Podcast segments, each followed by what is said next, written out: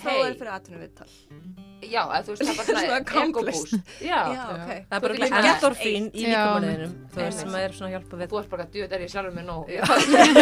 Það er engin vinna að fara að toppa mig. Kannski bara fyrir fyrirlestra og svona líka. Já. Ég heyrði, ég heyrði eitthvað svipað en það var með sko tyggja, þú veist, tyggja, tyggjó að því að þá ertu að gefa líka hún skil, mitt er ekki bara að þá ertu að gefa líka hún skilabúðin um að þú sérst að borða og þess vegna ertu ekki í hættu að því í náttúrunum væri aldrei eitthvað úti að borða. Ok. Og en, ef þú væri einhver svona kind eða dáti, þú væri ekkert eitthvað að býta gras ef þú væri að koma úlfur. Nei, ok, Nei. Þannig að það er svona ég fyrir flug og svona, ég fæ mér alltaf tyggjópakka og Já. já, alltaf er betra að borða held En á einhver tíðan púti mun heilin vonandi fatta og þú veist að plata. Ó nei, tyggjóðum ekki eða græn. kannski þegar tyggjóða missi bræði það er bara komin tíma næsta, ég veit það ekki. Ég veit það svona power poses líka, virki. En Já. maður gerir þetta í bara Já. svolítið stund.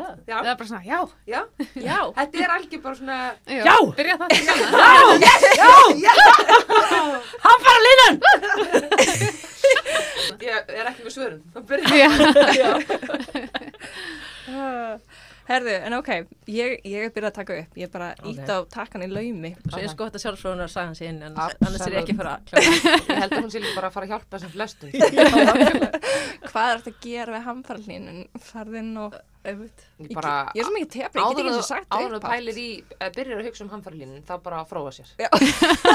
Þá líður þess að getur allt og það er bara komist yfir þetta, þetta stóra mál. Mér finnst það bara mjög góð Mm. laust. Mhm. Kannski, já, ég ræði þetta á næsta svona fundi með landvernd. Ok. Landverð er, er náttúrulega mjög graðu vinnustæður. Þú fer ekki í landverð nema þessi bara spólandi. Þurfið ykkur að temprun á móti. Þú, hvaða, hvaða reynslu hefur þú að landvernd? Enga sko. Ég er líka með kynkvöld. Já.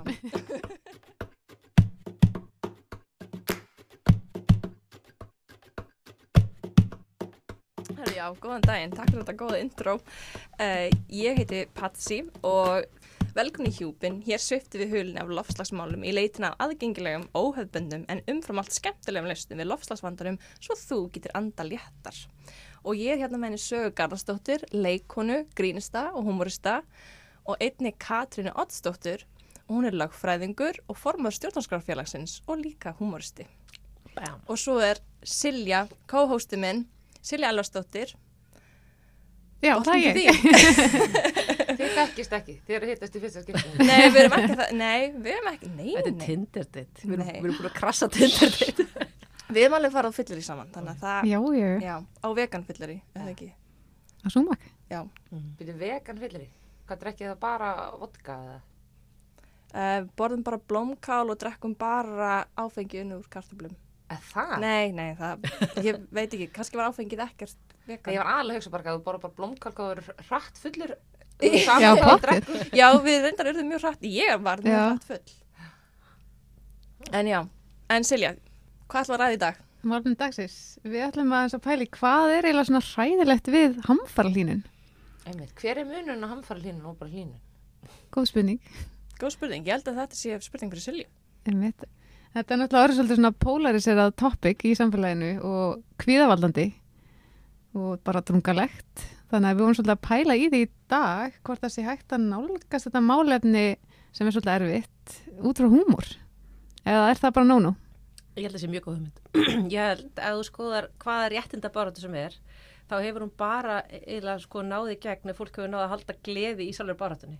Mm. Þannig að Mhm. það er, og maður finnur það núna að kvíðin er svolítið að ná tökum á þessari orðræðu allri Já, og fólk er mjög mikið að kvarta yfir því. Hvað er verið að Já. láta mig verða kvíðin hér? Ég vil ekki vera kvíðin. Af Já. hverju er ég að fara að ágjöra börnunum mínum? Mér langar það ekkert. Nei. Og auðvitað langar okkur það ekki. En þú veist, það er samt kannski bara að koma á þeim tímapunkti að það er bara komið svona heldar kvíði í mannfólki þannig að þetta er orðið svo alvarlegt. já En- það eru allir með kvíða. Mm. Allir sem ég þekki í kringum mig hafa greinst eða svona talið sálgann sinn um kvíða. -hmm. Og svo eru sem við segja að það sjóta okkur samfélagsmiðlum og okkur Mm. neyslu eða eitthvað. En ég held að sé samt líka augljóst að þetta er, eru svona opaslega vof eflegar aðstæður sem við búum við. Mhm. Það er alltaf að tala um það og ég var að keira í morgun konuna minni í vinnuna og þá var hérna skiltið, vitið skiltið sem er rétt hjá húsi verslunar sem sýnir svona eitthvað hitastig og eitthvað svona, það er búið að bila ákslega lengi þannig að sýna alltaf bara Já. 87 gráður bara alltaf bara "Ah!" Veist, mér langar svo einhver lægi og það bara vilt einhver lag það er bara sveit. Ó, guð, svo ég þurfi ekki að hugsa um þetta. En Já. hvaða svona hlutverki gegnir húmor sérstaklega þá í, í svona réttinda baráttu eða, eða Sko ég, húmor, er, já. sorry, húmor er náttúrulega ótrúlega bara góð leið til þess að benda á það sem er að og húmor er ótrúlega svona skýr leið til þess að benda það sem er að án þessu raun og veru uh, að kannski, eða þú veist, oft án þess að, að kenna einhverjum einu mynd um uh, oft, oft, oft er, er húmor þannig líka skilur bara þeir sem að eiga það skilur er smá hérna, hafðir að hafa á spotti sko en uh, það sem er þú veist eins og til dæmis uh, eins og í áramöndaskaupinu eða svona samfélagslegur húmor þá er alltaf verið að benda á það sem að er að eða sem er hlæ, eða, veist, hlægilegt eða Já. það sem að betur mætti fara og það er gert á einhvern svona hátt sem við tengjum öll við og Mhm. getum skilið já, og það er náttúrulega ótrúlega þakklátt skilu, það er ótrúlega, það er allt annað að uh, að sjá einhvern veginn benda á það sem er að í þannig formati heldur en til dæmis í ykkur svona ræðu á alþingi eða hjá landverð þar sem að þú veist það eru kannski notuð ákveðin heiti og ykkur, ykkur tölfræði sem að almenningu kannski tengi minna við að á erfiðar bara svona að lesa í gegnum Mm. mhm, þannig að þú veist húmor þegar hann er bestur í svona er hann óslega innfaldur og óslega skýr. Já, það er náttúrulega líka óslega erfitt að, Mhm. að vera einfaldur og skýr þegar er eitthvað stór málefni en það er bara óslega verðugt, verðugt verkefni sko. mm, en það er líka það sem að næ svo vel til fólks, það eru ekki svona flóknar upplýsingar eða svona, eða efni sem eru mjög svona margbreytileg eða hafa rosalega margar vittir eða svona hliðar á, það er einhvern veginn þegar skilabun er ógst að skýr sem húmurinn gerur svo vel, og aðgengileg. já, veist að, að það hittir einhvern veginn svona beitt í mark, það er Einmitt. svolítið pointið með húmor. Jú, líka bara svona þegar, þegar, þegar uh, grín næra segja sannleikan veist, og, það, og, og ég held okkur finnist alltaf grín skemmtilegast þegar það segir okkur einhvern sannleiku um okkur sem við vissum ekki alveg fyrir en þú veist, maður sér sig alltaf inn í ykkur personu sem er alltaf inn hérna, fulla hræstni eða eitthvað svona, maður Mm, fattar já. alltaf ó, ó, þetta eru andstæðunar í mér eða þú veist uh, það, svona ger ég líka ég kannast þetta og nærum hver mínu og, og það er óslega hjálplegt skilu, af því þá líður fólki þó það sé kannski vera að benda því á eitthvað sem er að þá líður það samt ekki eins og það sé vera að skamma þau eða þú veist, berja þau til hlýðni heldur meira bara svona Og umræðan hefur kannski einkennst svolítið af því, þú veist, það er verið að reyna að vekja skömm og hræðslega fólki. já, Þannig að, já það er svona mótifara fólk með einhvern veginn Já. þessum tilfinningum sem, Mhm. Sem er svo ógeðslega umuleg mótivering, Mhm. þetta er svolítið eins og fætt sem að fólk til þess að hérna, fara í megrun sem að við vitum og ekki er mjög já, og hefur bara algjörlega sínt fram á og virkar engan veginn. Svo held ég líka bara að fólk sé ótrúlega pyrrað yfir því að það sé vera að skamma, þú veist, skamma okkur fyrir, fyrir raun og veru vandamál sem er ótrúlega kannski örfá stórfyrirtæki eða einstaklingar. Mhm. einstaklingar hafa komið okkur í. Já. og auðvitað, þú veist, berum við öll ábyrgð en það er samt ótrúlega leiðilegt að hérna, að við séum þau sem eru full af skömm og hérna með þessar, allar þessar neikvæða tilfinningar svo veit maður að það er bara svona önnur fyrirtæki að rúlla áfram og er ekki, ekkert að pæli og við erum eitthvað að hætta að nota rör og setja plastpokki í ruslafötunar okkar og Já, svo bara nánast með svona maniskum hætti einhvern Ah, veginn, af mhm. því að þetta mun, þetta mun breyta einhvern veginn öllu. Og ég vil ekki draga einum sem að finnst þetta skipta og Nei, þetta og það- skiptir auðvitað máli en, en, svona, en það er svo leiðilt ef einhver þarf að líða svona, þú veist, fá, upplifa svona neikvæðar tilfinningar í kringum þetta þegar að það er einhver annar sem að gæti gert svo miklu meira og haft svo miklu meira áhrif og er ekkert að því. Akkurat. Og líka þegar við fyrir svona að seima fólki í kringum okkur, þú veist, í staðan fyrir að hvetja á til dáða, Einmitt. þú veist, að, það er náttúrulega engin fullkomin það kemur á umhverfismálum, en Já, já, ég man einmitt það var einhver sem að sagði við mig um daginn bara, þú ert með eitthvað svona podcast og varst þú bara að fara í flug í sumafrínu og þetta var meint í gríni en ég fekk svolítið svona ég, ég má ekkert, ég er með podcast núna þannig ég þarf að vera, ég þarf að vera fyrirmynd Mhm. og það er rétt, ég vil vera fyrirmynd en, en ég er líka bara í svo langt frá að vera fullkomin og ég vil ekki og ég vil ekki gera, gera mig út fyrir að vera einhvern veginn fullkomin Nei, og, nei. og Þetta er áhugavert þarna, umræðu um þessa tilfinningu skömmina. Hún náttúrulega er svona frekar kvenlegt fyrir bæri líka, skömmin. já, Og, hérna, og ég var fyrst á Luton flugvelli í sjö klukkutíma í fyrradag. Þetta var skelvilegt náttúrulega, en ég kefti bók sem hétt hérna Confessions of a Sociopath. Ég ætla bara að reyna að segja Sjáum þetta í sjönda skipti svo reynir að segja þessu og mjög, mjög taktist að reyna að tróða því innan podcast og segja neyðist til að hlusta á Nei, en það sem þessi kona, þetta er eitthvað svona of, ofurgreind kona sem átt að segja því, hún er búin að ná mjög hátt í lífinu, að hún er sociopati eða siðblind. Og hún er alveg, ó, ok, þetta skýrir margt. Og skýrir bara svona, hún er svolítið aldrei búin að, þú veist, vera tekið fyrir lögbrot en eitt slíkt og bara eitthvað professor í lögfræði eitthvað staðar og yfirbúrða greind og allt það, en hún hefur bara alltaf haft þetta og þetta er bara hennar. Og hún er bara útskýrði þetta allt mjög vístarlega og bara svona frá sínu, sínu lífi. Og eitt af því sem Vá. einkennir þetta er það að hún finnur ekki til skammar hún, Wow. hún mun aldrei vera bara eitthvað, ef hún næst ekki hvað sem hún gerir, hún gerir ógeðslega mikið af mjög siðblindum hlutum auðvitað því hún er siðblind og henni finnst bara eina skipti máli bara what's in it for me? Og ef hún Já. græðir á þessu og fær eitthvað með betri eh, ti- tilvist fyrir sína bara einhvern veginn kvatir, þá er það bara mjög gott. Og ef ykkur kemst að þessu þá er það óöpilegt en það fer svona eftir afleðingunum hvort það skiptir ykkur máli. Henni er alveg saman tilfinningar annar á þannig. Skömm er hún að færa rauk fyrir ég er reyndar ekki búin bókina en maður finnur hún að fara í það átt er síðan tilfinning sem hún sér sé óeftirsotnaverð þannig að hún er raun og veru sýnist mér að fikra sig þá átt að segja ég er ekkit endla til í að vera eitthvað annað en siðblind því þetta hendar mjög vel að vera Já. aldrei með eitthvað móral eða saminskupið yfir einunni neinu bara svo lengi sem hún næst ekki Já.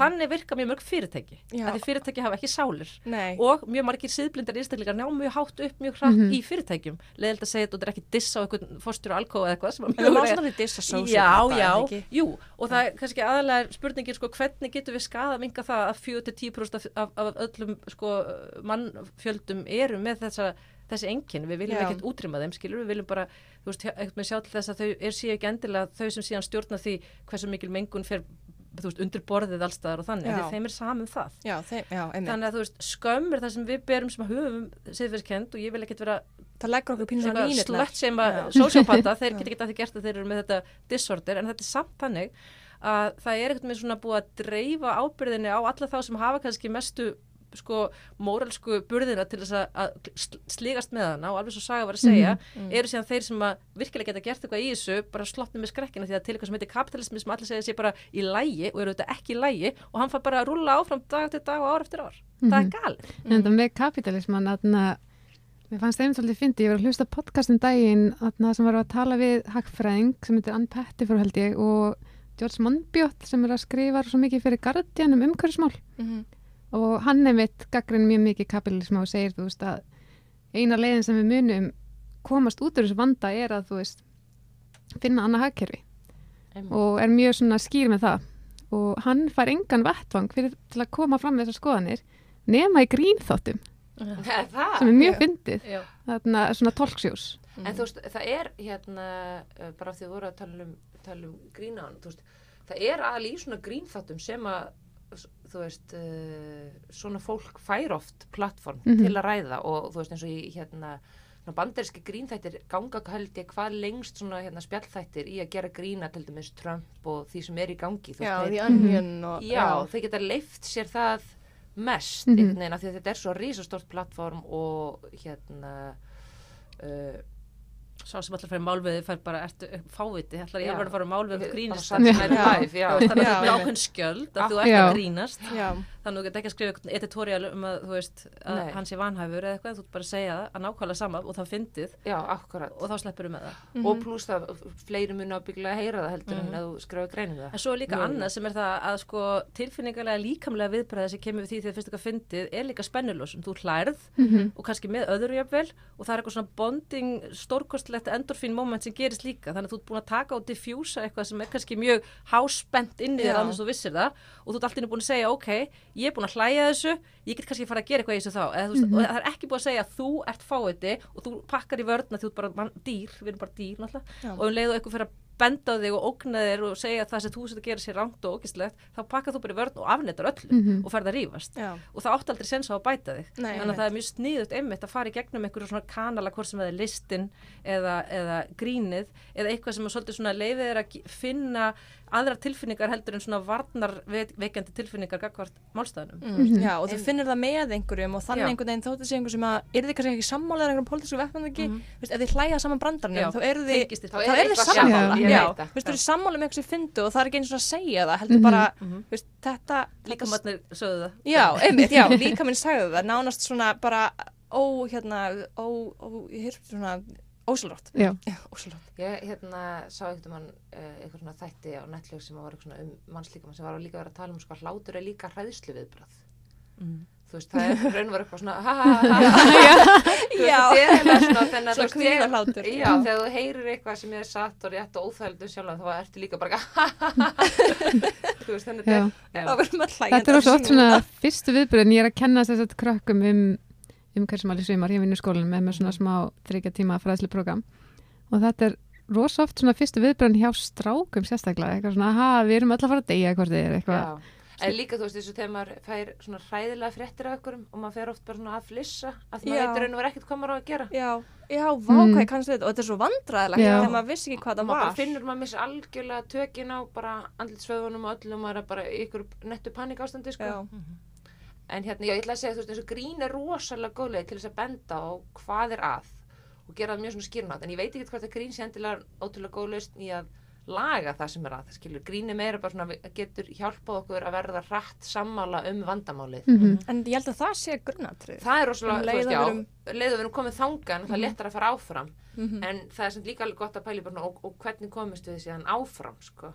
Já. og líka bara hver erum við, mér finnst það úslega áhugavert þetta sem Já. við, við erum ótrúlega ofta að hugsa ok, ég var að hugsa ok, við þurfum bara að búa til þjóðfund kvenna um lofslagsmál og þá mun allt breytast í konur eru svo góður í að græja hlutina og miklu betri að Mér þú finnst það mjög góð Mm. hugmynd. já, og hérna og, og landverð finnst það líka Já, það ekki. Jú, ég, en allavega þá hérna uh, og svo sá ég í gær, fyrir ekki að ég var á annað en ég sá í gær alveg geggja heimildamöndum hérna, sem er ein af fimm þáttum í, í hérna, sögu samkynniður á Íslandi sem heitir Svona fólk og í gær var að fjalla um þess að HIV faraldurinn sem bara svona feldi bara risavaksin hluta á homosamfélaginu á Íslandi og þau dó allir upp minn einir og algjörlega í skömm og þú veist, mm. fjölskyldurna gjörðu þau kyrþei og kærastinu mátti ekki vera í jarðaförinni því að þú veist, að, þetta var hræðilegt sko. Ó, hversu en, já, en svo var pallborða eftir og þá var nokkur, nokkur af þessum svona legends sem voru að berjast í þessari baróttu þó að þetta var að gerast, bara vinnin var degi hverju viku og þú held, þú vist ekki hvernig það smittast og þú held, heldur mm.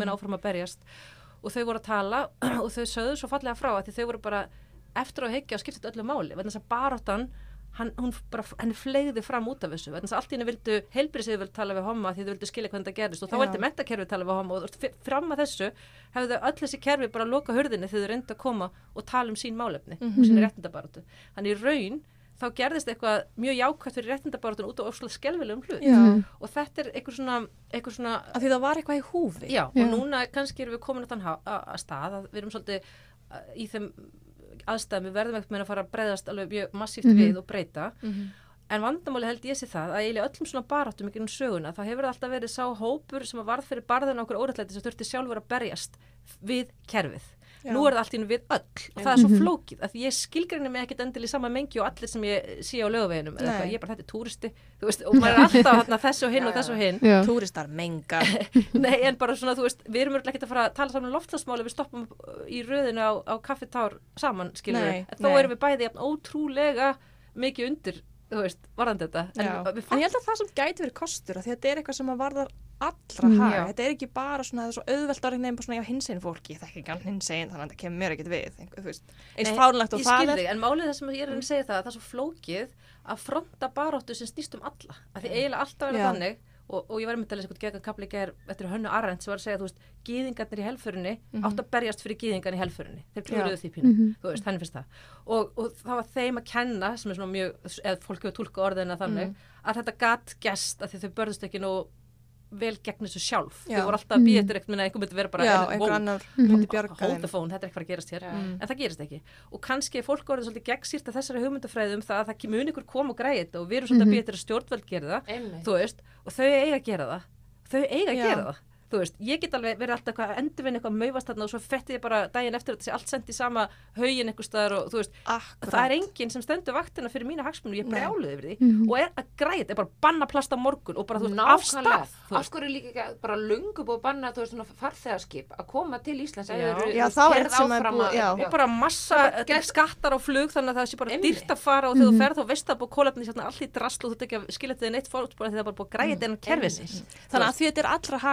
Hérna er þetta bara á borði stjórnvalda að þið eiga bara að græja þetta, Já, en ekki. og svo er bara börnin allt í hennu fann að fronta barátunum sem er líka alveg Mhm. steikt, þau er ekki bara ábyrða þessu sko, þótt sem þeirra vandi líka þá er við alltaf bara, Greta það er bara yes, yes, yes, að því að hún er búin að taka á okkur svo miklu ábyrða, hún Mhm. á ekki bara ábyrða þessu, hún er freaking 16 ára sko. Já, ég var að sjá okkur á myndir af henni, hún er bara að ferðast um allan heiminn og, og bara Já, í lest þú veist, er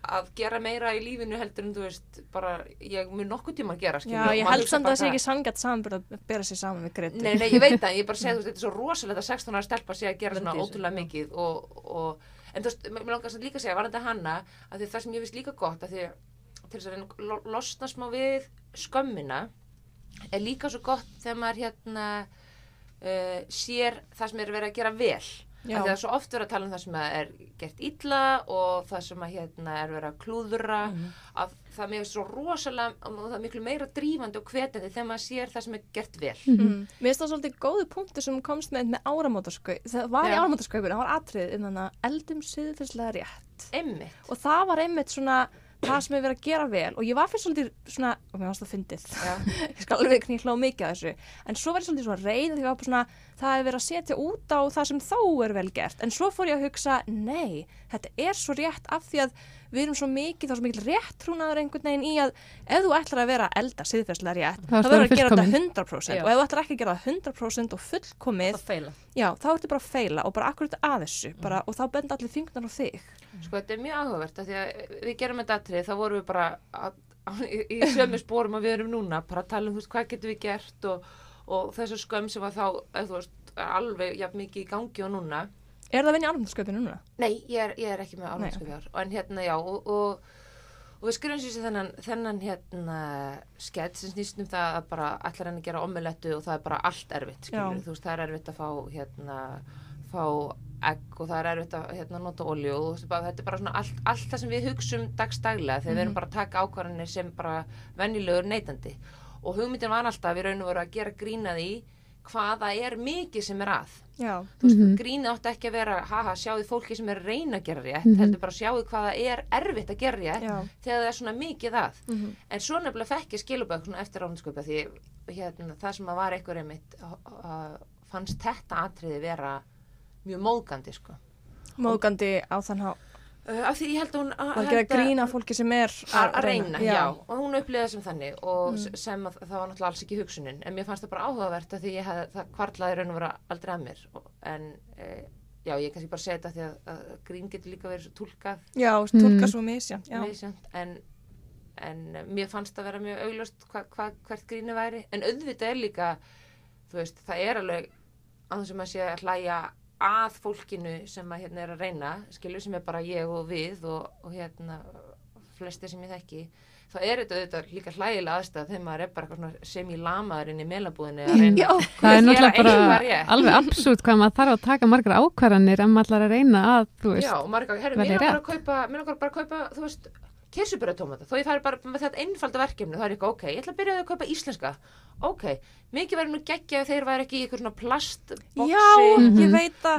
ég held að þetta sé reyndar eitthvað svona mægisboks og nú er ég til dæmis, hérna í því stend fram fyrir því vandamáli að við erum alltaf að kaupa svona íslenska kirsuberatómata og, og þeir eru í svona glösum, svona plastglösum og ég er alltaf að sapna þeim saman af því ég hugsa alltaf, Þetta er, já, fullkomlega nótæf. glös Já. og ég hugsa, við munum einhvern veginn að vera með garðvislu og þetta er það sem ég er búin að vera að segja Já. bara í svona fimm ár sem ég byrja með kæristanum minn og hann bara, bara gerir stöðut grína í bara hvernig skápanir eru að fyllast af plastglösum fyrir garðvisluna sem Já. það verður náttúrulega aldrei skilur, þú veist, eða götuháttina sem það minnur svo allir gaggrínaði fyrir að vera með plastglös. Já, einmitt, En nú er ég enda búin að uppgæta þetta svona skemmtilegt leikfang fyrir bara, ég sjáðu, sjáðu Þetta hafði allt tilgang. Hvað segir hann, veist ekki að plasti smígur um húðuna á henni? Akkurat, Já, þetta, og- þetta hættir aldrei sko. Nei, og við eigum ekki að þurfa að taka svo margar ákvæmum, þú veist, það er svo margt annað, þú veist, við erum að hugsa um velferð barn okkar, við erum að hugsa um veist, hvað við elda í matinn og við getum ekki líka verið að hugsa um hvað getum við eldað í matinn sem að brýtur ekki gegn réttindum fólks af því að það er ekki fair trade og, og, og En af hverju er ekki bara svona neytendur búin að heimta það að sé svona RSN kóðið eða hvað sem þetta heitir á öllum vörum og það er bara crowdsourcað nákvæmlega á bakvið hver einustu vöru, hvað er búið að gerast? Hversu langt er búin að fara? Það er eitt faktor.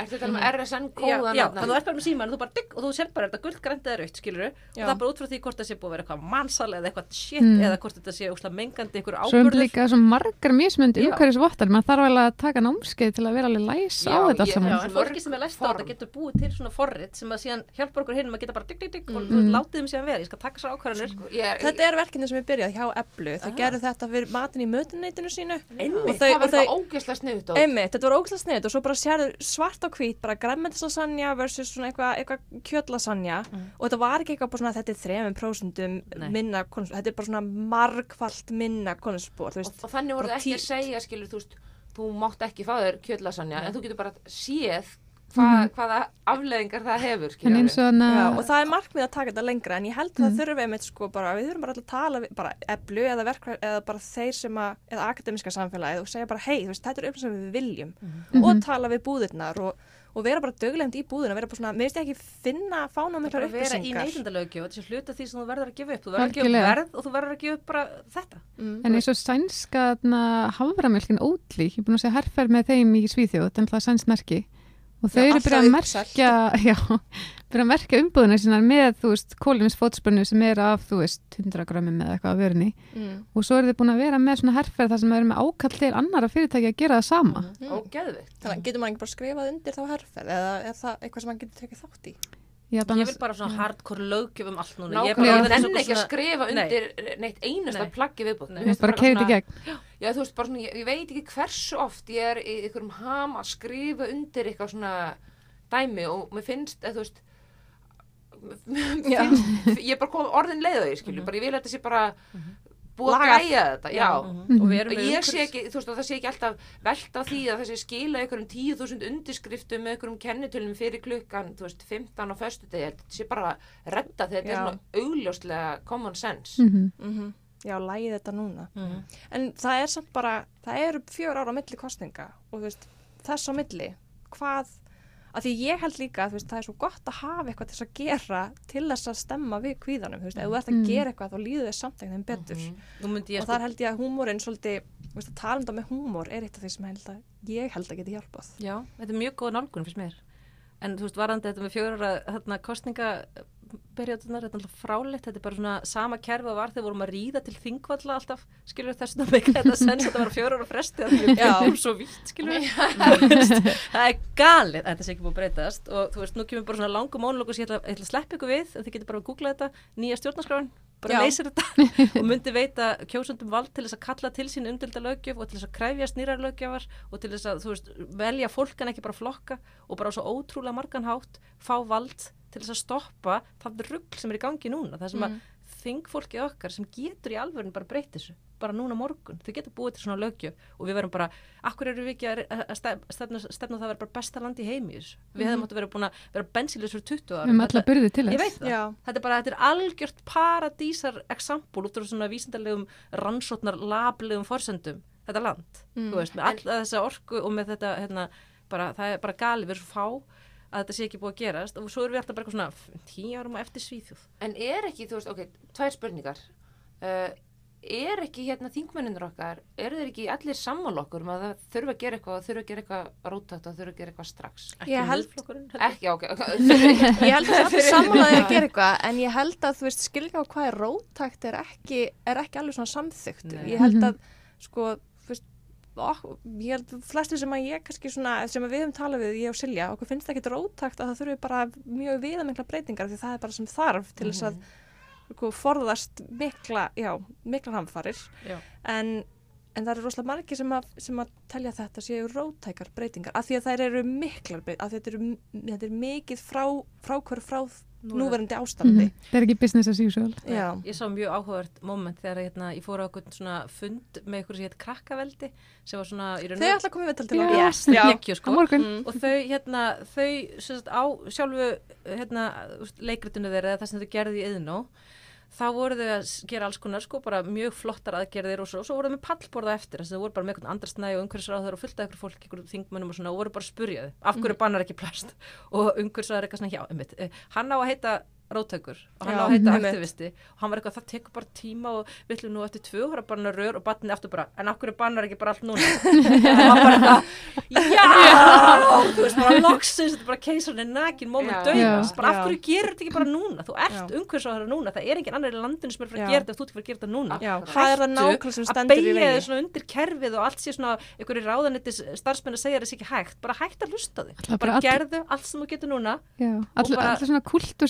í þeim kerfum sem er í gangi núna, þú sem að halda samfélaginu uppi er náttúrulega svo byggt á, træðu já, og líka Já. bara alltaf um hugmyndum en við þurfum núna. og kerfi byggjast á því að þau vilja alltaf viðhalda sér, þau Já. vilja halda Já. status quo. Núna er ég með smá svona confession. Ég, ég, hérna, ég bauð mig fram til stjórnarþings á sínum tíma og var svona, einmitt svona meira svona íhaldsæm. Þetta var þeim tíma þegar ég var í svona laganámi og ég var einhvern svona, þú veist, ennþá frekar ómótið, þú veist, með heimismyndunum mína. Þannig að mér finnst þetta svo, pínu svona kem fram og einmitt þessi tilfinning skömm og svona, fyrir þér að vera svona, en eitthvað, en ég er svona, þú veist, ég er ekki, ég er ekki saman mannskjan en ég var þá og ég er ekki kannski endla á sömu skoðun. Ég er heldur ekki beint svona sannfærð og ég er ekki að fara að rökraða við því að því ég veit þú myndir vinna þær rökraður. hvað er það við, er núverandi stjórnarskrá sem kemur í veg fyrir að við getum bara gert þetta? til dæmis það að það sé ekki eins og minnst einu orði á náttúruna hún er bara algjörlega hún er, kemur ekki auðvitað til skoðunar þegar þessi stjórnarskráð er skrifuð þú veist, og Nei. þegar við samþykjum hann er 44 þá er enginn að pæla því að þetta sem Nei. nú hafi gæst Mm. og eðlilega ekki þannig að það er ekkert heldur talað um sjálfbarni það er ekkert talað um það að þú sko, réttur komandi kynsluðar í nýju stjórnarskráni þá er talað um bara rétt náttúrunar sjálfrar. Mm og þú veist það er að reyna að hverfa frá þessu mannmiðaða viðhorfi um það að við bara nýtum hann eins og hendar okkur og svo rífust um það hversu mikið við virkjum eða hversu þú veist ódýrtu selju síðan orkuna. Mm. þú veist, að þetta- þeim tímum bara snerist um allt aðra lífsbaratu. Já, þannig að þetta er til dæmis eitt dæmi um það hvernig hún myndi algjörlega breyta grundvallar viðhorfi okkar til þessara mála. Já, svona? Já, ég veit það ekki. Ég held að það var svona kringum 60 og allan í bandaríkanum. 1960 Já, Eða bara 60, 60. 60 og eitthvað. eða svona, Svona kemur svo með heipa Að mig minnir. og allar jafn að setja það áfall. Já.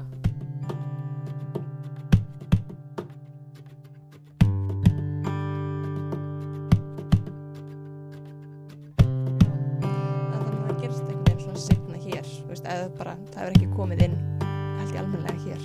Er, ég held að sé ekki til lög sem að vernda náttúruna, sérstaklega. Jú, jú, það eru til eitthvað lög en þau, þú veist, þetta En svona- heldur ekkert almennilega því kerfið er svo lélegt. Mm. að það getur bara einhver 20 manna sveitafélag ákveð hvort það er að virka eitthvað risa hlut af Íslandi á þess að aðri megi hafa eitthvað um það að segja. Mhm. Þetta er alltaf algjörlega bilað. Þannig verður að segja bara þau eiga þetta. Og það var ótrúlega flott tilvísun sem ég sá um daginn að það var hérna einhver rosa, þú veist, Rousseau eða eitthvað sem sagði mannskjunni sem fyrst tókst að segja ég á þetta land og samfara aðrum hún hefði rétt fyrir sér. Hún er raun og verið svo sem skapaði bara þetta galna samfélag sem við setjum uppi með. Veist, Já. við, þetta náttúran á þetta okkur ekki við hana. Já. Við erum bara föst í einhverjum vittlisum hugsunarhætti.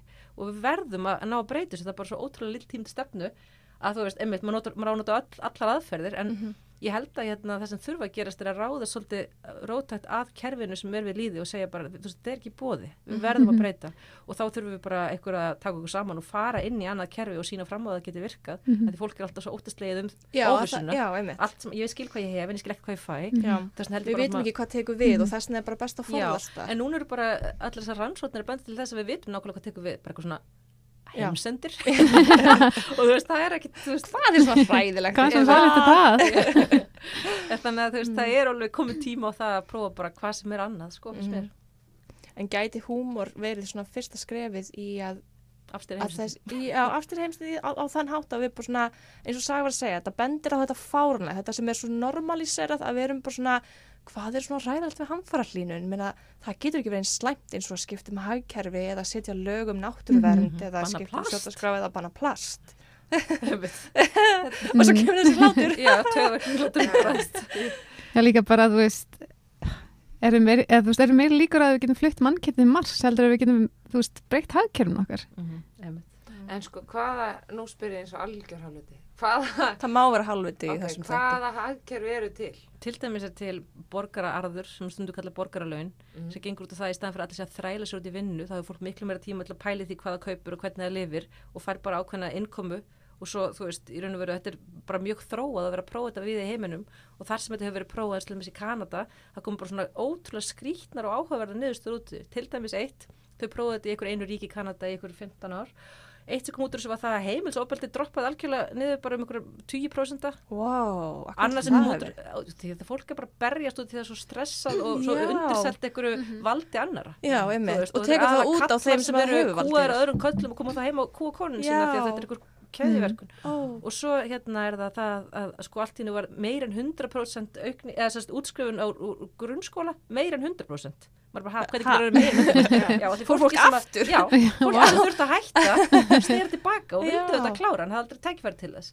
veist, og svo bara var bara er þetta bara búið að vera í gangi í Kanada í 15 ár? Nei, þetta Ekki- var ekki staðar í gangi Kanada. tímann fyrir mjög löngu síðan annars myndum við all flytt. Já, en svo er Finnland að prófa sig áfram með þetta og fullt af löndum og þú veist, það er bara mjög, mjög, mjög gáað fólk út um allan heim að segja að þetta er það sem við verðum að gera. Borgararður. Já, ég vil kalla það borgararður en borgaralaun er alltaf notað. Mhm. Píratarnir hafa til dæmis verið að tala fyrir þessu margir, þessu Haldur og Móinsen og, og þú veist, þetta er alveg ógislega sniðugt og það, þetta innlega þetta er svo, að landi svo Íslandi, það verður svo geggjað að prófa þetta hér, við myndum bara segja taka Við- bara svona pæla já, tíma við bara Já. kommittum algjörlega 15 ár, Mhm. skiptir engum alveg hvað rugl gerist, við gefumst ekki upp það, Það fá er- bara allir 350 skall Já, og það eigum- bara allir. Já, allir. Og svo að þú ákveður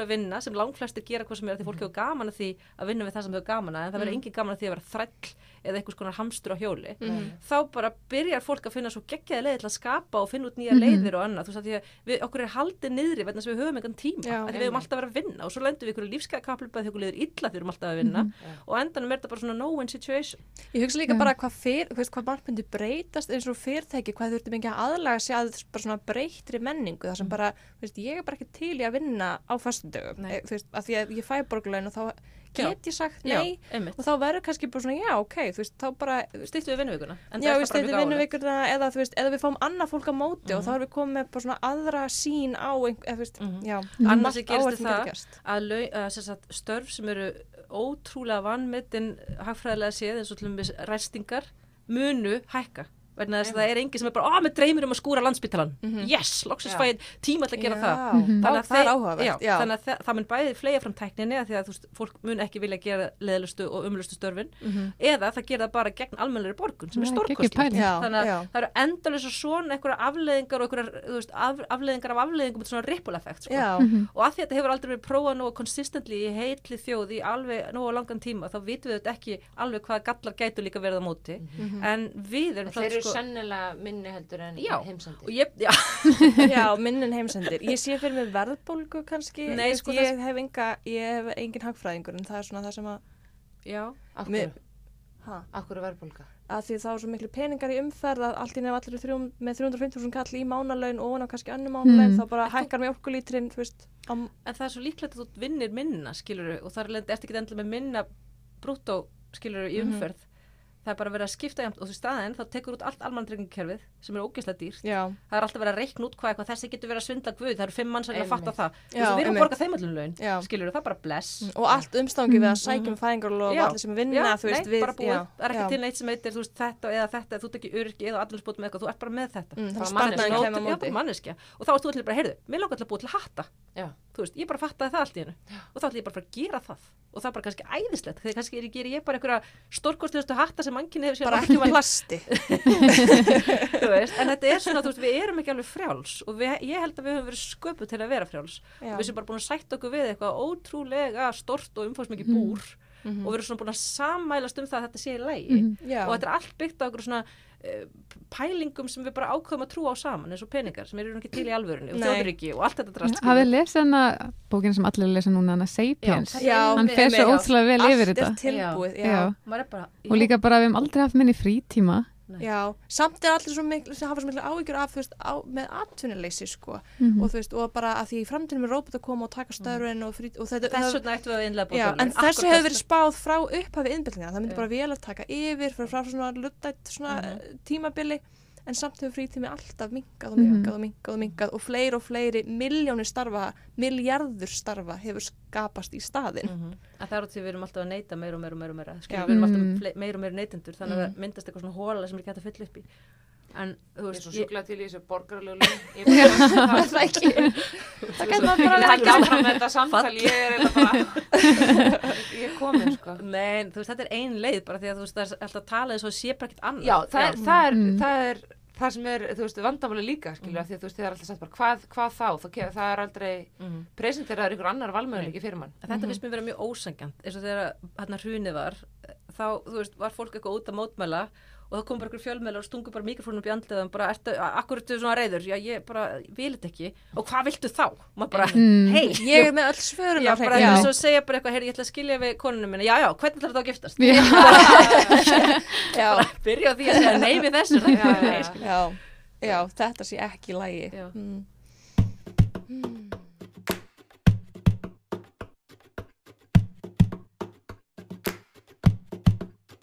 Ég kann að að fara aftur inn á Sapiens því að þú varst að nefna fyrirtæki á hann hann fer svo vel inn á þú veist, við erum náttúrulega að gefa fyrirtæki stöðu einstaklings í samfélaginu, þannig séð og þau geta gert alls konar rugl og svo getum við ekki sótt til saka á sama hátt af því að þú veist, maður veit ekki hvar ábyrðin liggur Mhm, Það er alveg tekið þessi nýju stjórnarskólan, elskan mín. frábært Við þurfum að lesa þessi nýju stjórnarskrá. Já. Já, það er allavega ekki vittlust að vita í Hvað stendur í henni? henni. Stjórnlaðarað.is, það er hægt að sjá hana. Ok, stjórnlaðarað.is. Mm. Saga, hefur þú kynnt þér þetta? Já, ég er náttúrulega forfallin aðdandi kötu og alls sem hún kemur nálægt og þessi stjórnarskrá er svona 90% af hennar bara tekur það allt plássi í heilanum á henni þannig að ég er bara all-in en sko þú ættir að vera með podcast af það sem hún talar um nýju stjórnarskrá Já, Já. Ég teki bara svona hérna Grein og grein. og grein, það verður geggjað Já. og fá tíðinni fyrir ekki að ég sé Nei, Ég bara sjá- hætaka podcastinu eða það er góða leið. Gera bara saman. líka fín aðstæða hérna. Já. Nákvæmlega. Mm. Ég var um að segja við, hérna, sögu á því, ég var að segja að þetta er svona sjálfsfrónu materjál, hvað bókasöfnir eru falleg, hérna, hugmynd og þau séu ennþá út um all land Mhm. og þau séu bara svona eitthvað fyrir okkur að því við erum samfélag, við eigum þetta saman, þú fær þetta bara ókipis, þetta er allt í læg, bara veist, það er eiginlega engi svona staðir eftir. og líka bara bókasöfnir, ég bara veit ekki um neitt, neitt uh, eitthvað svona fyrirbæri sem er jafn tilbúið að bæta sig. Bókasöfnir, nei bara hvað vil ég gera? Hvað get ég gert meira fyrir ykkur? Vil ég eitthvað á hlaðvarpsherbyggi þá gerum við það, auðmjúk. Það er svona, Já. Viljið vöflur, já, kaffi, ég get alveg held upp á kaffi, Já. ég get alveg baka fyrir fimm sjónvarpinu. hefða tertu. Krembrúlega, bókstundur og æðislega. Við fengum hingað í viðtal, uh, hún heitir Anna De Matos og er með Library út á Granda og það finnst mér vera bara svona, þetta eru svona bókasöp til þessu fullafninu, það er bara, þú getur fengið allt lánað hjá henni og ekki bara svona tækja tól, heldur er bara með túl Tool Library. Tool Library út á Granda. Ég er einmitt eitthvað stoppfélagi því en ég hef aldrei farið. library Það já, bara öll verkefni. Já. bókasöfn já, ok. Já, ekki, Ég já. hugsa bara túle library. Það er náttúrulega bókasöfn fullotna fólk sem fengið alls konar bjóra að lána það en skilar þeim gegn nei. lesa aftan að það, handfjalla það leggja það kalda við ennið skilur, þetta alls konar Nei, það sem hún getur fengið lánuð græjur og tækja og tól. Mm. Því að mér finnst það svo flott hugmynd, þetta er svona, mér vantar ekki borvél, Nei. heldur, mér vantar gat í veggin Já, minn. já. það, Já. það er það sem mér vantar. Það er til hvers á ég að kaupa borvél og þurfa að koma henni fyrir og einhverju, veist, mjög takmörgum fermetrum Mhm. og, já. Þetta er náttúrulega líka deilihagkerfið, fullkomið Einmitt. dæmi um annað svona, hvað getum við gert, Mm. sem er alternativ. Mm. Þú veist, deilihagkerfið, er- það er til allt, akkur eiga allir eitt grill og eina sláttuvel, það er alveg fráleitt. Ég slæ bara Einmitt. aldrei eða það er þetta í minni þjóðvöldi, en þú veist, það þyrft að slá garðið mér svona þrjusunum yfir sumarið eða eitthvað. Mhm. Ætti ég þá að eiga einhverja hella vél inn í einhverju skúr sem að má ekki vera einhver mikli því að þá skemmist þessi dýra. Þú veist, þetta er galið. Svo það er náttúrulega geimslemið líka fyrir allt þetta og dót. svo það bara alltaf að kaupa eitthvað nýtt af því að þú síðan hitt eitthvað, þú veist, það verður að eiga þetta Mhm. þú veist, þetta er fáránlegt, akkur er ekki bara eitthvað síða sem segir bara bergstæðastræti og það bara, ok, ég tek að mér Einmitt. sláttuvelina, þú tekur að þið grillið og þú veist, þú að hrífu eða eitthvað og svo bara, þú veist, róterast þetta Já, Og þar- algjörlega. Hvað haldið séu marga, bí, margi bílskúra landsins sem eru ekki nota sem bílskúrar? Einmitt. Þeir eru allir fullir af drasli. Já. Það er á meðal minn. Ég var að pæla að til. þú komið svolítið inn á atna, tilfinningar og listsköpun og hvernig við getum nálgast þetta umræðefni þaðan líka. Um, Og líka Ég- var ekki svona forvið. já, ég reyna að hugsa hvort með dettur eitthvað í hug, þú veist. Já, en þetta er oft þannig í svona samfélögum að þú veist, það eru listir sem eru fyrst að kveikja á pjörun. Mhm. Mm. Veist, Ólafur Elísson er á fullu núna að tala um Já, og, og nota Andri svona í Snær. lofslagsmálum. Já, Já, Andri. Snær Mhm. og hérna uh, bara í feningatfjörun, það eru alveg Já, voru eiginlega 2-3 öll ár já, já. síðan að það kom fyrst þarna hendurnar hvítu upp úr vatninu og það þótti rosalega svona framústefnilegt Mhm. fyrir bara, hvað, það Það eru bara bara þrjú provocative ára eitthvað síðan Mhm.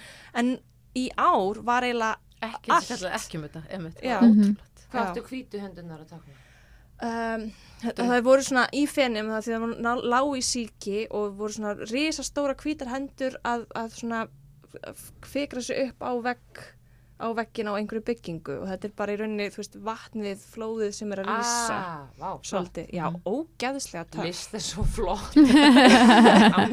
Læstum að hugsa. list er svo flott. En grín er líka list og þess vegna svona, ég væri ekki til í að sjá fleiri uppistandara og fleiri svona, þú veist, fólk sem að, ekki endilega uppistandara, en bara svona fólk sem getur talað á skemmtilegan hátt um samfélagsmál og þú veist, sem er svolítið svona, svona deilin, eða svona geta verið með svona ádelur en vera með svolítið svona grín um lofslagsmál, af því að þannig fáum það meiri svona almenna umræðu en ekki svona stingum hausin í sandin nema við sem gett fullkomin og tilbúin að flokka allt. Sko ég efa samt um að þú veist eins og uppistand sé þú veist uh, muni hrindast að einhverju byltingu skiluru uh, þó, þó að hérna þú veist ég verður með uppistand við það og, og tala um alls konar hluti og, og vonandi hefur fólk farið heim til sín stundum og hugsa um það en það er ekkert þú veist, það sem ég vil endilega, ég vil fyrst og fremst að ég hlægi bara í mómentinu sem mér líði vel. En, þú veist, og ef þú hugsa eitthvað eftir að það, það er bara svona algjör auka afur Þannig er upp í stand pínu svona sjálfstelst kannski Já, uh, þar uh, já, ég held að fæstir séu að gera uppistans til þess að bæta heiminn, skilur sem svona grunnforsendur, skilur auðvitað er maður að gera uppistand og ég gerir geri grína því mér finnst gaman að fá fólk til að hlæja og láta fólki líða vel, skilur og það nærir mig og mér finnst líka bara gaman að segja sögur. Og uh, ég er í mínu uppistandi þá deili ég á það sem að mér finnst vera að. Mhm, hvað sem það kann að vera skilur hvort það sé bara eitthvað úr mínu bara prívat lífi eða sambandi eða bara sambandi mínu við melabúðina og hvernig við veist að kaupa tómata skilur það getur verið hvað sem er. Uh, en ég held að til að þú veist að, að grín er alltaf bara kannski upphafið að einhverjum umræðum.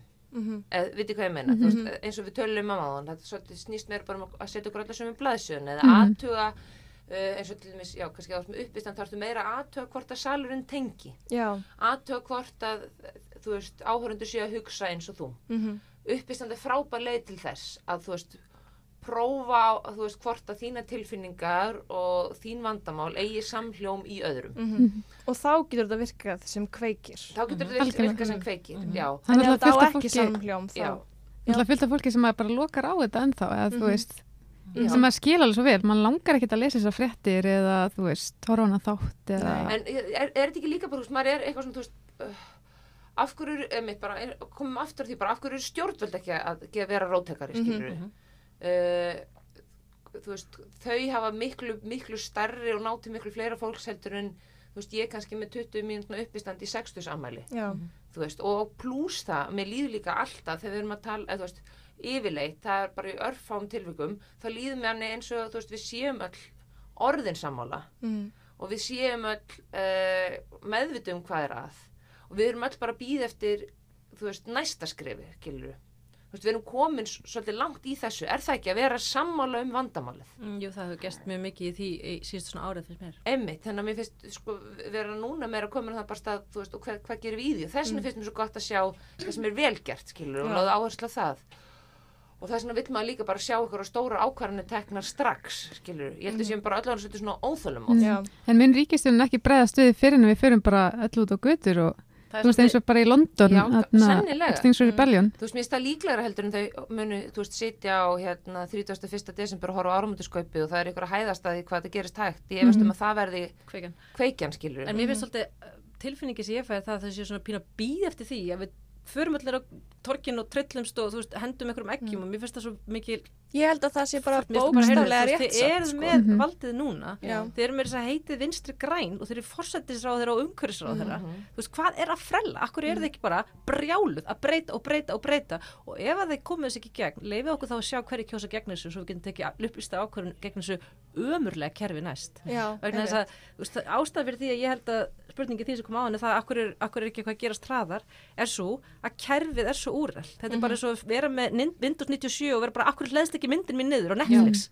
það er bara mjög eðlilegt að hún hlæðist ekki niður þessi tölva var aldrei sköpu til þess að díla við þá tækni sem er í gangi í dag Mhm. og þetta mun ekki takast Og við erum öll mætt í partíið, skilur, og sitjum í sofánum, Já. við erum til í að á bara, hérna, bara Mhm. mæjana sem Já. eru gul og eitthvað og það er bara eitthvað, þú veist, pizzahjólið eða eitthvað snúra Ó, hversu óþólandi, það kannast allir við þetta. Mhm. Já, það er nákvæmlega svona tilfinningin einmitt sem að sem þú lýsir, en ég held að þetta sé bókstálega rétt ég held að bara, og ég veit af krakkur sem hafa, í loftslagsverkvallinu sem hafa talað við stjórnumeld og stjórnumeld eru rosalega mikið að byggja um þetta Mhm. þess Sem að þeir stjórnumælamenn sem eru tilbúin þetta Það þeir þurfa ekki að benda á þetta, bara fólki Já. vill þetta, ok, núna getum við gert breytingar. Ég, ég, veist. það sem sýnir aftur hvað kerfið er galið af því að þú veist, af hverju má fólki ekki bara segja heyrðu, hérna eru, þú veist, 10% okkar kjósenda búin að skrifa undir við viljum þetta núna, við viljum banna plast á morgun þið verðið að fara með þetta og þing og greiðum þetta aðkvæði svo sjáum við bara, ef þau eru að svíkja okkur og þá fer það bara í þjóðakvæðgræslu og þá tökum við síðustu ákvörðuna því að ábyrðin er okkar og valdi líka. Og ef við verðum heimska þá bara byrjum við ábyrða því. Og þá er það með skusti okkar eigin heimska sem varð okkar að falli. Það er gjössalega óþólandi að verða annarar heimsku. úreldrar, kerfislægrar, einhverjar kallrægrar kjaftaðis hérna, tilvista sem ég tilir ekki, sem er að verða mér og bötunum mínum að falli, ég bara, ég meika það ekki. Nei, og það er líka óþálandi að vera, þú veist, í sambandi með einhverjum og vera svona, hérna, uh, þú veist, það er eins og stjórnvöld séu í kannski ástasambandi við okkur og þau eru að býða eftir að við tökum trompið á þau. Já, Já. Hvað, við erum búin að vera eitthvað, herðu, hérna, ég þarf að taka miðvikudagskvöld off af því að þá er vinkonu heitingur og þau eru eitthvað svona, já, já, já, og svo bara ignorar það alltaf skilur og vinkonast aldrei út og aldrei heitir vinkonu okkar og þau ætla ekki að breyta því fyrir við fyrir með öskar Já, Já, einmitt, og bara brotna einhverju diskar Já. algjörlega Mm. Já, þú veist, það er náttúrulega bara fullkomlega óheilbritt samband mm. mér er svo bara gott líka bara hvernig ég segi þetta, þetta segir alveg bara svona nákvæmlega hvernig mér líður innan Mm. brjósts. Nei, bara ég er búin að fá minn, svona, mína svona helstu útrás fyrir loftslaskviðan er bara að taka þátt í Extinction Rebellion í Svíþjóð Já. Og taka þátt í aðgerðum og það líður mér svona eins og Já. ég sé í álverðinni að gera eitthvað í málunum. hérna, ríkistjórnin ætti líka bara að vera skipulegja svona aðgerðir Já. og raun og veru að standa fyrir Skipilegja mótmæli gegn sjálfur Já, sér.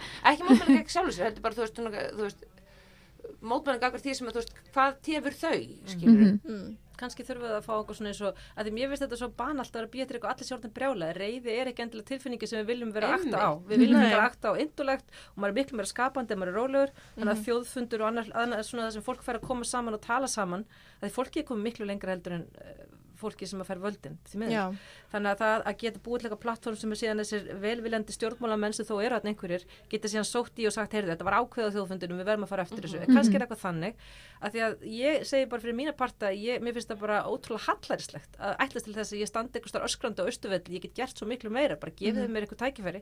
Og, það er líka, það er ég vil eitthvað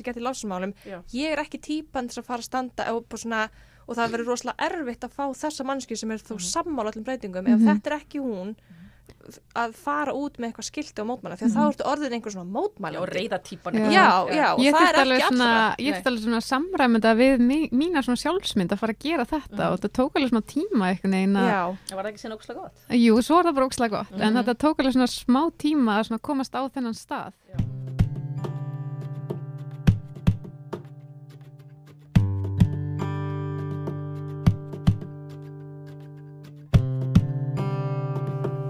Færð þú stundum eitthvað svona aðkast fyrir að vera svona reyða konan? Mér finnst þú samt svo alls ekki reyð, þú ert svo gett ég er ekki reið, það er það sem vinnum með mér að Og þú ert svo fána lífskla líka, ég fylgst með þessum sumafrís sko póstum þar sem mér finnst þú alltaf finna, Svo- sjafna þér með öllu við dæmum ekki hér. Nei. En hérna, Sko, mér finnst þú finna alltaf svo rosalega svona fallega og tæra og bjarta hluti í lífinu, sama hvað á gengur. Ég er mjög jákvæð og rosalega lífsglöð, mjög hamingjusum, það var alltaf verið svona fárlega bara, fárlega heppin kona, bara að öllu leiti. En ég fíkur alveg í mig þegar ég sé mjög órsakjarnar hluti og ég var brjálega til hann á austuvelli út af því að það var bara ósakjart ruggli í gangi. Og ég get alveg, þú veist, orðið það aftur en mér langar bara ekki til að verða það. Nei, Ég er svolítið bara, Mhm. krakkar, really? Þú veist, getum við ekki bara list þetta? Ég veit alveg eins og þú segir og, og, þú, og þú að það er komið á þeim stað að við erum orðin löngu það mörg að við getum alveg gert þetta ákall. Mm og ef þetta þá snústu það að við þurfum allir samt einhverjum undirskriftum eða standa þarna einhverjum einhverjum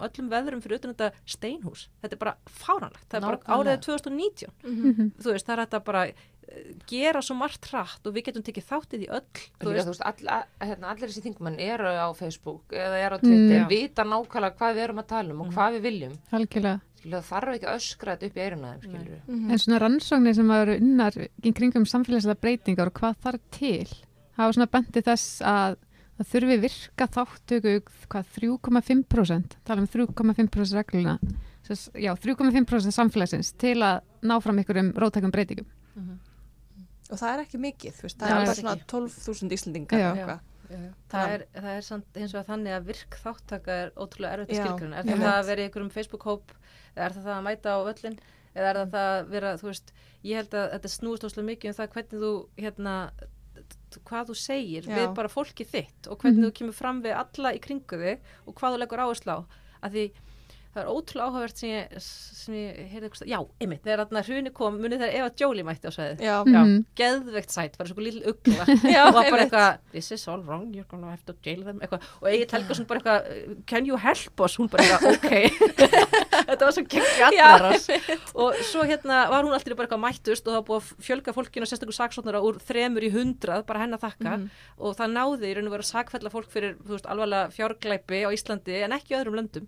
Þannig að þú veist, þetta er svona svolítið merkileg saga sem eru kannski ekki alveg nógu mikið að, að svona taka utan um hvað tókst Mm. Hvað ein manneskja er að gera mikið þá? eða? Já, bæði hvað ein mannskinn á að gera mikið en líka nú kemur sérst pointið mitt að ég var svo æst, ég var í, í lagan á þessu tíma og ég var bara eitthvað, yes, Eva Jolie bara komið til að bjarga okkur, þetta geggjað bara eitthvað norsk ögla og, hérna, og ég sendi henni eða sendi ykkur um aðstofamanninu eitthvað post, ég sagði, heyrðu, við erum með nokkur lagatilt háir sem hefum ótrúlega mikið áhuga og bara betra samfélagi og við viljum bara hjálpa henni. Við getum bara, þú veist, lært minna og gert meira fyrir hann í staðin eða vantar eitthvað svona research group eða Mhm, eitthvað, skilur, hvað getum við gert? Og hérna, og hún bara eitthvað svar, já, og hún svaraði og bara, heyrðu, ég vil hitta ykkur og við bara eitthvað, vá, Eva Jolie, hún er geðið bara Michael Jackson er að koma til landsins eða eitthvað. og við bara, ok, og hittust bara eitthvað á okkur hérna, fund upp í háver og hún sagði bara, lesið þið heimsbyggi þú veist, hún var bara svona óslega róli og bara að tala um þetta stóra.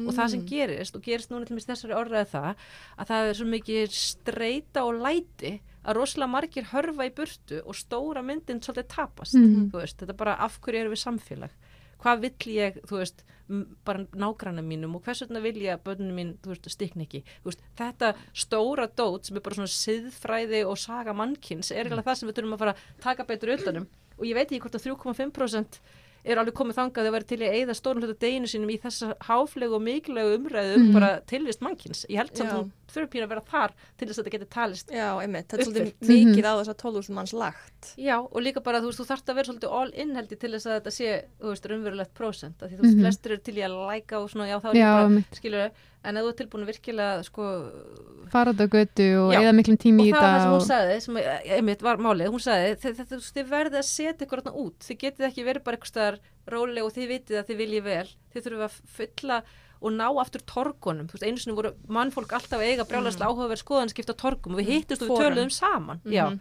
og nú gerum við það einhver leit á Facebook en það er ekki eins. Nei. og hérna, og hún sagði, þú veist, það er bara búið að fylla okkar ofnbæra rými af einhverjum sílikonbrjóstum, skilur, við höfum þetta að eiga alveg samtal Já. á, þú veist, og hérna þið þurfum við að, veist, hérna fara þangað og vera svolítið þar. Og ég held að það sé mjög rétt og þess vegna held ég sé líka rétt sem að þeirra að tala um að benda á það sem er velgjert það er partur af því að svolítið stíga upp fyrir þetta svona blame game Mm og reyna að segja, ok, hér er eitthvað von, hér Mhm. er eitthvað von, af því maður vill lifa í von, maður vill ekki lifa í ótta Einmitt. og ef ég lifi í ótta þá er eitthvað annar búin að sigra mig og það mun aldrei takast Já. það er líka miklu léttar að taka þátt í ykkur sem hún vilt að gerist Já. heldur en hún viljir ekki gerist Já, Já, að koma í veg fyrir eitthvað, Mhm. já, algjörlega. það er bara, maður hérna, getur meira lagt af stað sko. mm Munið þið eftir einhverjum dæmum eitthvað sem er vel gert?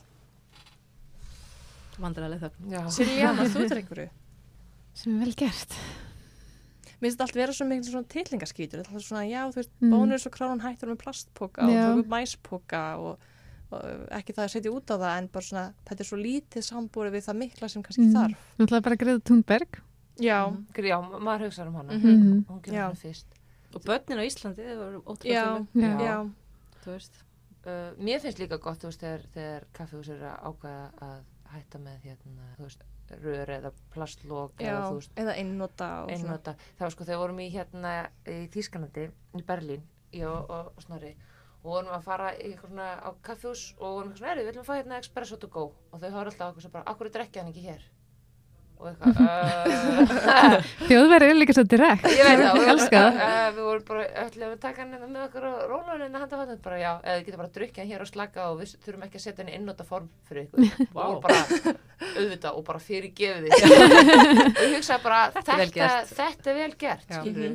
Mhm. að vera svona hreitn og bein Já, eða líka að svona bara eitthvað svona, þú veist, uh, bara annarkvort við erum ekki með take-away mál eða bara, veist, við gefum það ekki út nefnum bara ágættis rauk fyrir því, bara skilur, ok, Já. við viljum helst ekki, við erum með, hérna, sjúkrabíl fyrir utan sem er alveg að fara og í honum er veik amma já, sem er alveg að sopna en þú veist, hérna, já, mér fannst það líka gott þegar ég fætti það bara svona, þú veist, auðvitað alveg, þú veist, það er ekki ómissandi fyrir mig að labba með kaffibotla Nei, þú veist, og þó að mann þú veist, ég get lifað á Lítið sem þess. ég vil berjast fyrir að lappa en þú veist, en það, það er samt eitthvað sem að fer upp afturlöpinu þegar er eitthvað svona, hvað, ætlar ekki að gefa mér Mm. kaffi mitt í teikaðubotla og þú veist, Mér finnst þetta svolítið íslenskt, það er svona, við erum Mm. svo miklu kongar í okkar ríkjum það er Já. svona, hver ætlar að segja mér að kaupa ekki glimmir eða plastpoka eða ákvarðat, þú veist, þegar maður, þegar maður gleymir hérna, uh, þú veist, maður er í þessu, er í þessari klemmu, þá getur maður oft bara, að, jú, ok, fuck it, þá sest ég niður og drekk kaffiböllum hér og lappa síðan að stað, Mhm. skilur þó að allir sér, þú veist, svona litlu hluti finnst mér líka bara ógislega hvetjandi Mhm. Flottast verður náttúrulega að segja við þann sem átt að hitta þetta fimm minútur. Ég mun vera fimm minútum að segja, þess að ég hef ákveðið að taka ekki með mér eitthvað mál sem ég get lappa með. Vonandi gerir þú það líka næst þegar þú þarf að Já, Já, nákvæmlega. Ég held að ég noti, eh, veist, það hafa komið dagar þar sem ég fer upp í svona þrjú pappamál á dag, af því að þú veist ég á fjörnandamáli, ég gleymi því ótrúlega oft. Mhm, og svo ótrúlega oft ég segi bara, æ, fuck it, skilur, jú, jú, ég tek þetta í take eða þú veist, mhm. og ákveða skammast minn ekki, en svo þegar, þú veist, þegar maður myndi horfa til kannski tilbaka þá er þetta, þú veist, hefur þetta óslega mikið að segja Já.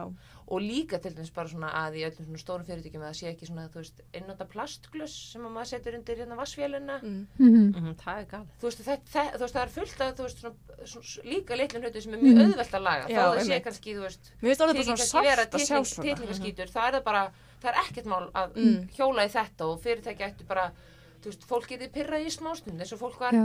það voru allir brjálæður í smástund þegar við heldum að, þú veist, að það er eitthvað svo mikið prumpulikt á djamstöðum af því að við myndum að reykja Vá, við vorum að tala um í síðasta þætti með reykjum hvað viðhásbreyting verður svo, það er alls svo reyður á móti þessu, svo gerst þetta og allir bara sætt sig við það og life Nákvæmlega. goes on. við erum ógslag góði að bara halda áfram að aðlast En svo líka svona litla breytingar sem við tökum eins og bara það að minga, þú veist, diska í mötuneytum, það er náttúrulega minga matasóun einmitt og ég heyrði líka eitthvað tíma að tala um að þú veist, ef maður setur ekki ruslatunur inn á skrifstofur, þú veist, undir fólk. þá fer fólk frekar fram með ruslið sitt og flokkar það. Já. einmitt sem er þá líka bara reyfing í leiðin og Já, stendur þessu upp og svona, já, Og kannski eftir bara ekki að hendi þetta miklu heldur. Nei, bara. Ok, ég skrifa bara aftur að nota þín en ekki fara með til rusli. Akkurat bara allt svona finnst mér vera briljant mm allar þessar litli lausnir sem að lausnir. já, sem eru bara, veist er, svona og, nudge. og já, við, þá getum við heldur ekki verið eitthvað herðu stjórnvöld, herðu, þá er bara herðu, hérna, veist, ekki að það er bara að taka þessu ákvörun fyrir sitt starfsfólk eða þú veist, saman hversu lítið fyrirtækið er, bara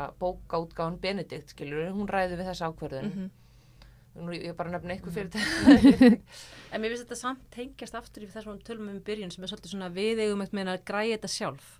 Veist, mér finnst þetta að vera æðislegt Já, en þetta já. er ekki að fara að virka eitt og sér. nei, alls Svo ekki, þarf að koma bara eitthvað svona boom, eitthvað Já. svona hardcore löggjöf, það sem eitthvað fólk sem hefur eitthvað snefilega hugrekki býr til eitthvað nýtt plan fyrir okkur.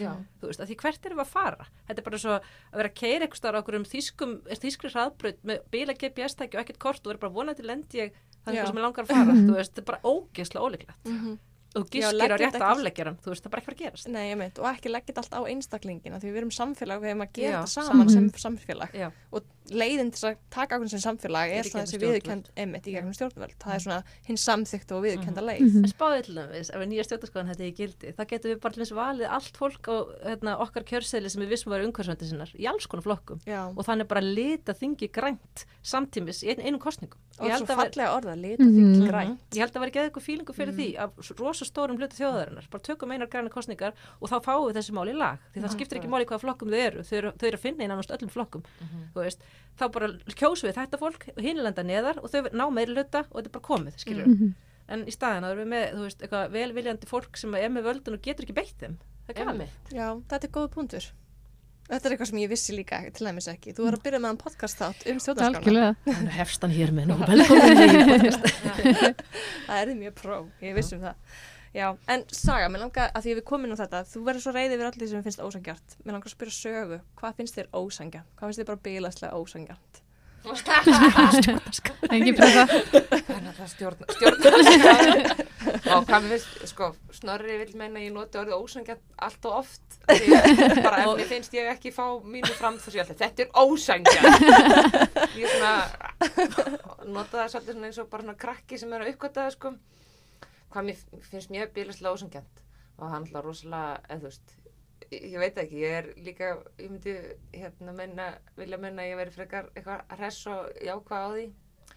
Mér finnst náttúrulega bara það sem við erum búin að vera að tala um mér finnst ósangjant þegar eitthvað sem að mér líður eins og sé algjörlega borðlegjandi e, það sé ekki í gangi skilur og þegar, þegar mér finnst mér, þú veist eins og mér líður eins og öll spjót beinist að mér að laga ykkur hluti sem að mér finnst einhvern veginn Mm. mm. eiga að, að hérna, spjótin eiga að beinast meira upp, upp að við til þeirra sem að hafa meira vald sko uh, og mér finnst ósangjant að þurfa að svara þessari spurningu svo ógeðslega erfið og hún, hún var ætla að hugsa sem Já. bara að vera opinn bara sem Já, þetta er í hug sko Ekkert endilega tengt eitthvað Nei. umhverfsmálum Já, en, en, en Uh, mér finnst, veitir hvað, mér finnst eiginlega mest ósangjart þegar ég fyrir hugsa allavega það sem er svona vekur upp stærstu tilfinningar mér finnst ósangjarnast bara hvernig er komið fyrir henni Eleven eða Elle í Stranger Things hún er til dæmis, hún er algjör svona Greta Thunberg uh, Já. hún er með svo mikla krafta sko og Greta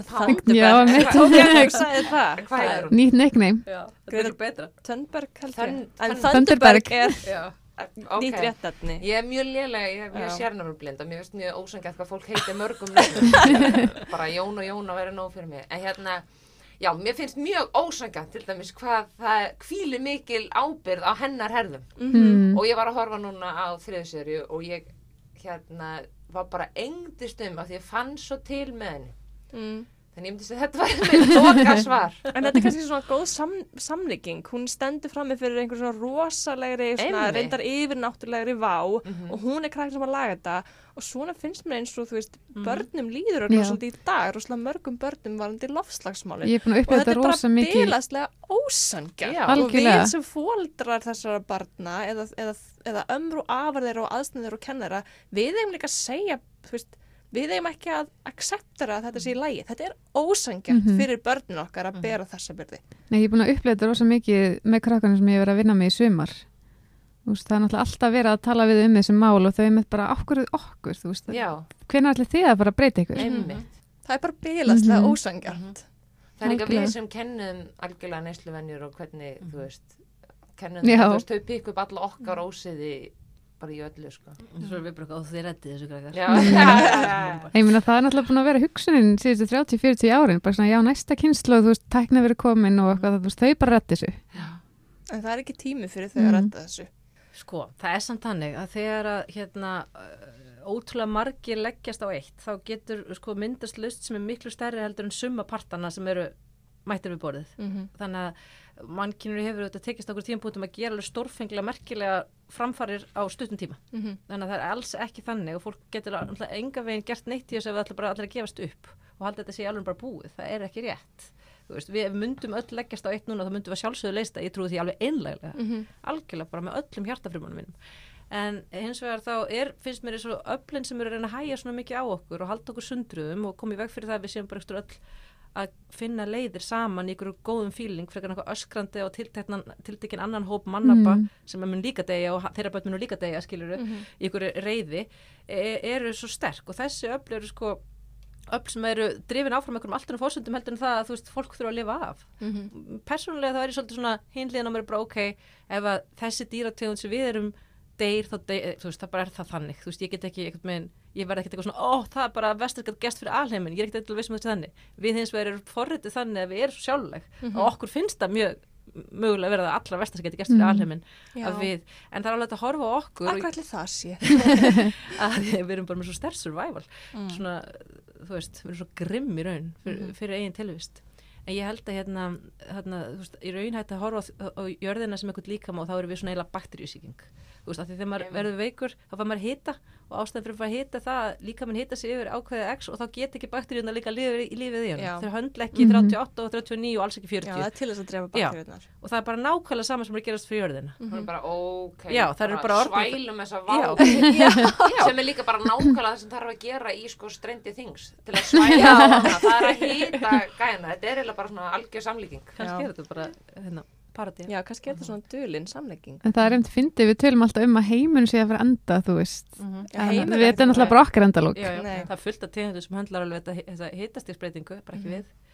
Og þau lifa bara góðu lífi. Já, og ég meni, jörðin verður örugglega bara fjú, þú veist bara, Já, en kannski Ok. bara óska þeim til hamingju.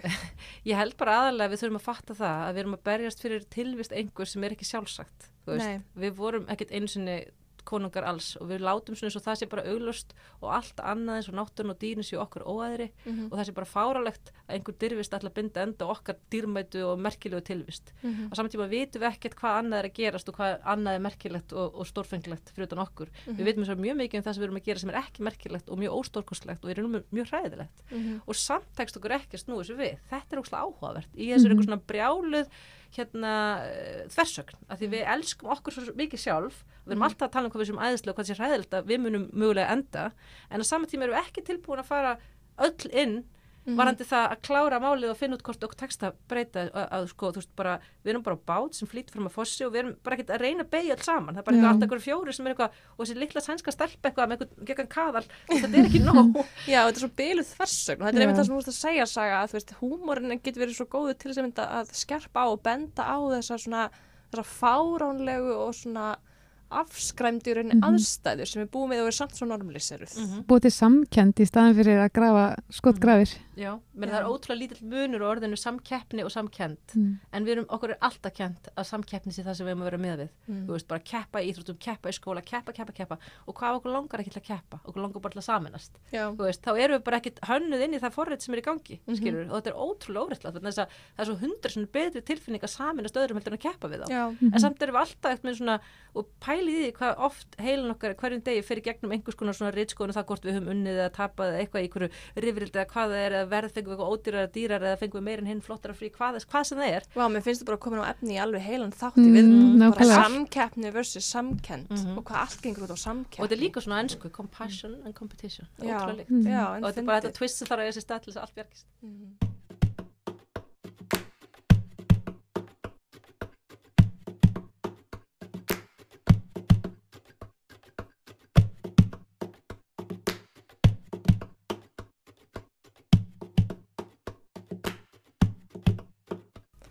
Ég held að bara, við erum vá, við erum komin alveg með vel góðan tíma, ég ætla að hafa þetta svona 30-40 minnur, við erum búin að tala í klukktíma, eða klukktíma 10 minnur.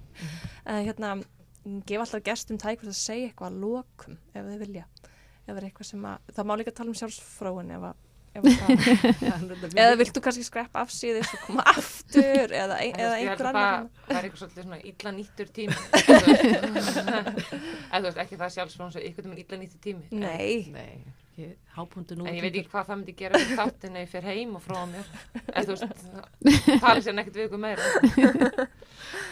Ég held að skilja þetta eitthvað svona ljóðranna spennu sko, þú getur alveg gert það. Já.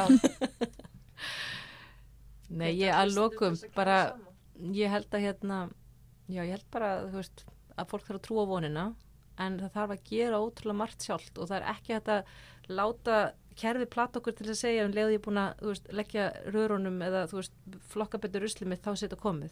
Það er það sem kerfi vill. Það vill Já. plata okkur til að halda okkur uppteknum við að gera litla hluti Mhm. í staðan fyrir að krefja stóra kerfislegra breytinga algjörlega og það er stóra hérna, krafan sem við þurfum að gera er að segja hætti þið að reyna að láta tíma minn færi það að flokkunga ruslið allir hvað sem er urða allt saman ég geri það ekki, Mm. þú ert að fara að breyta þessum lögum á morgun kæri umhverfisráð þeirra og kæri fórstisráð þeirra eða við hendum ykkur út og búið til ítt kerfi sko gætu við uh, Mjög góð punktur.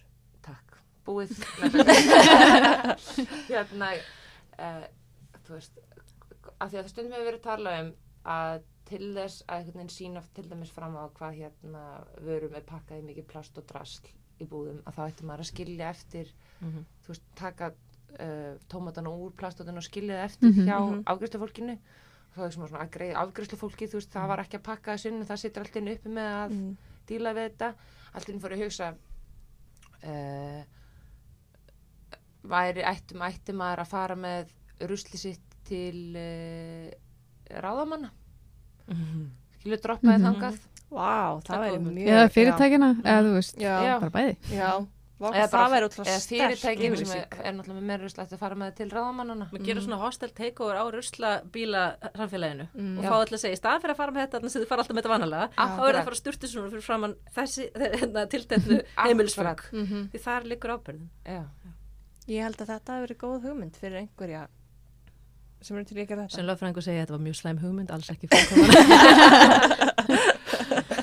Það er fínt að, já, að einhver svona hugsa um fyrirvaran í þáttunum. Mhm. Mér finnst bara gott að enda á þeim nótum. Mhm. Já. Takk kærlega fyrir. Takk fyrir okkur